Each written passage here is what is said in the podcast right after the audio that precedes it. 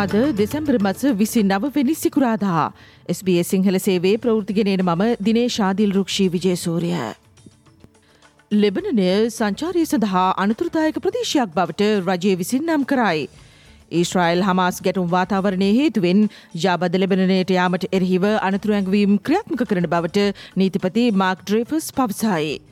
දකුණු ලෙබනයට ගමන් කළ ඔස්ට්‍රේලයානු සහෝදරයන් දෙදෙනෙකු වන ඊබ්‍රාහීම් බාසී සහ අලිබාසී එම ප්‍රදේශයේ ඊශ්‍රයිල ප්‍රහාරයකින් ජීවිතක්ෂීට පත්වීමෙන් පසුව රජයේ මෙම නිවේදරෙන් ඉකුත් කොට තිබේ. ප්‍රහාරයෙන් ඊබ්‍රාහිම් බාසිගේ බිරිඳ වන ශොරුකම මුද්ද ජීවිතක්ෂයට පත්ව ඇත.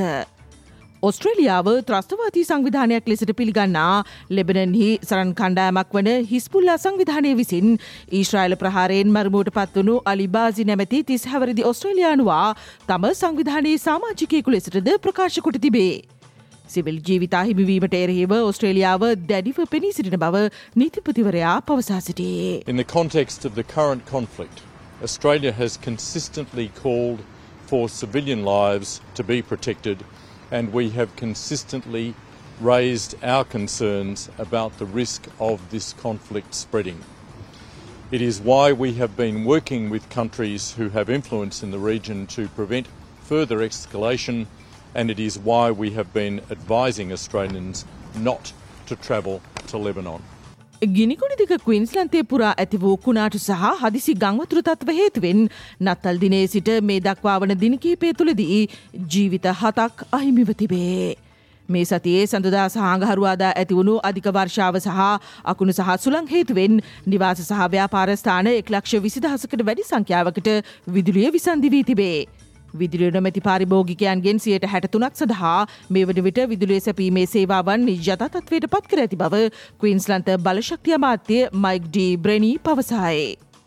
මෙම තිස්සෙක් වනදා වන විට සියයට අනුවක ප්‍රමාණයකට ජලි විදුනිය ස්ථාපනය කළ හැකි වෙතැයි ප්‍රාන්ත බලශක්ති අමාත්‍යවරයා විශ්වාසය පලකොට සිටේ. Uh, what it outlines is that by the evening uh, of the 30th of December that we aim to have 80% of households and businesses across the affected region have power resupplied.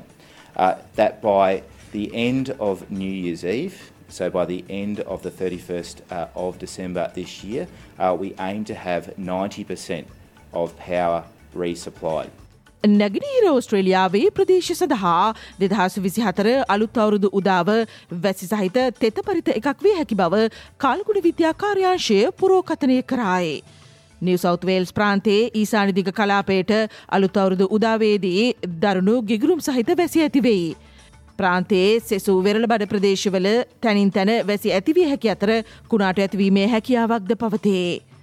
ක්වීන්ස්ලන්තයටද අලුත් අවුරුදු උදාව කාලයේදී තෙත් සහිත වැසි බරකාලගුණෙන් බලපෑමෙල්ල වනු ඇතැයි අපේක්ෂා කරට අතර ප්‍රාන්තයේ නිරිතිදික ප්‍රදේශය හැරෙන්නට බොහෝ ප්‍රදේශවල ගිගුරුම් සහිත වැසි ඇතිවන බවට පුරූකතනය කෙරේ. එසේම අද නිවසෞත්වේල් සහ කවින්ස්ලන්ත ප්‍රාන්ත සඳහා වැසි සහ ගිගුරුම් සහිත වැසි ඇතිවිය හැකි බවද කල්කුණ විද්‍යාකාරයංශය සඳහන් කරායේ. සමාජ මාධ්‍ය දැවැන්තුවෙකු වන ටික්ටොක් විසින් තම ග්‍රාහකීන්ගේ පුද්ගලික දත්ත හැසිරවීමේ ආකාරය පිළිබඳව විමසා බැලීමට ඔස්ට්‍රලයානු තොරතුරු කොමසාරිස්වරයා තීරණය කරයි. ටික්ටොක් නැමති අන්තර්ජාලය යෙදවුම තම ග්‍රාහකීන්ගේ පුද්ගලික දත්ත අනුමතියකින් තොරව එකලස් කිරීමේ යෙදන බවට එල්ලවුණු චෝදනාවලින් පසුව ඔස්ට්‍රේලියන් ඉන්ෆර්මේෂන් කොමිෂණය විසින් මෙම තීරණයට එළම තිබේ. එසේම මෙම ටික්ටොක් අන්තර්ජාලයේදවුම භාවිත නොකරන්නන්ගේ දත්ත පවා පික්සල් ලෙසට හැඳින්වන මෙවලමක් භාවිත කිරීමෙන් එකලස් කිරීම යෙදෙන බවටද චෝදනා එල්ලවී තිබේ.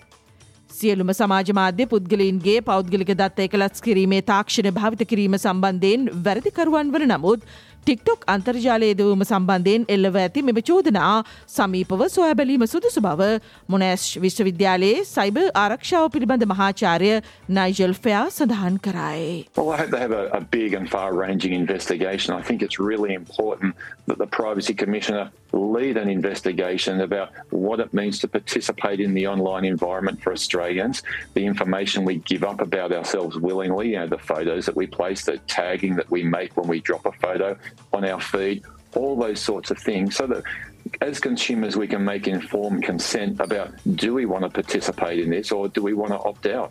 ශ්‍රී ලංකාවෙන් වාර්තාාවන ප්‍රවෘති අද මෞබිමෙන් පුවත් විශෂාන්ගෙන් බලාපොරොත්තු වන්න.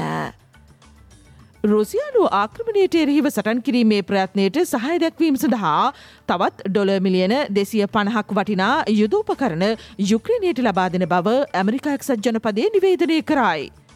ජෝබයිඩන් මෙම දෙසැම්බර මාසේදීද යුක්‍රේණය සඳහා ඩොල මිලියන දෙසියක පැකීජයක් ප්‍රකාශයට පත් කළේය.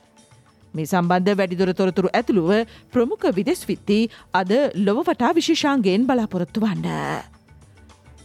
ඔස්ට්‍රේලියාව සහ පකිස්ානය අතර පැවැත්වෙන දෙවන ටෙස්ට් තරගේ වන බොක්සිං ඩේ ටෙස් තරගේ සිව්වන දිනයාදායි. පකිස්ානයේ තම පළම ඉනිම සඳහා ලකුණු දෙසිය හැට හතරක් ලබාගත්තේය. ඔස්ට්‍රේලියාව ලකුණු දාසයකට කඩලු හතරක් දැවී අසීරු අඩියක සිටින විටිදී මිශල් මාර්ශ් ලබාගත් ලකුණු අනුහය ඔස්ට්‍රලයානු කණ්ඩායමට ප්‍රබල පිටිවහලක් විය. මේ සම්බන්ධව සහ ඔස්ට්‍රලයා සහ ශ්‍රී ලංකා ක්‍රීඩා ශේත්‍රවල නවතම තොරතුරු අද අපගේ සතිය ක්‍රීඩා විග්‍රහයෙන් සජීවිව බලාපොරොත්තු වන්න.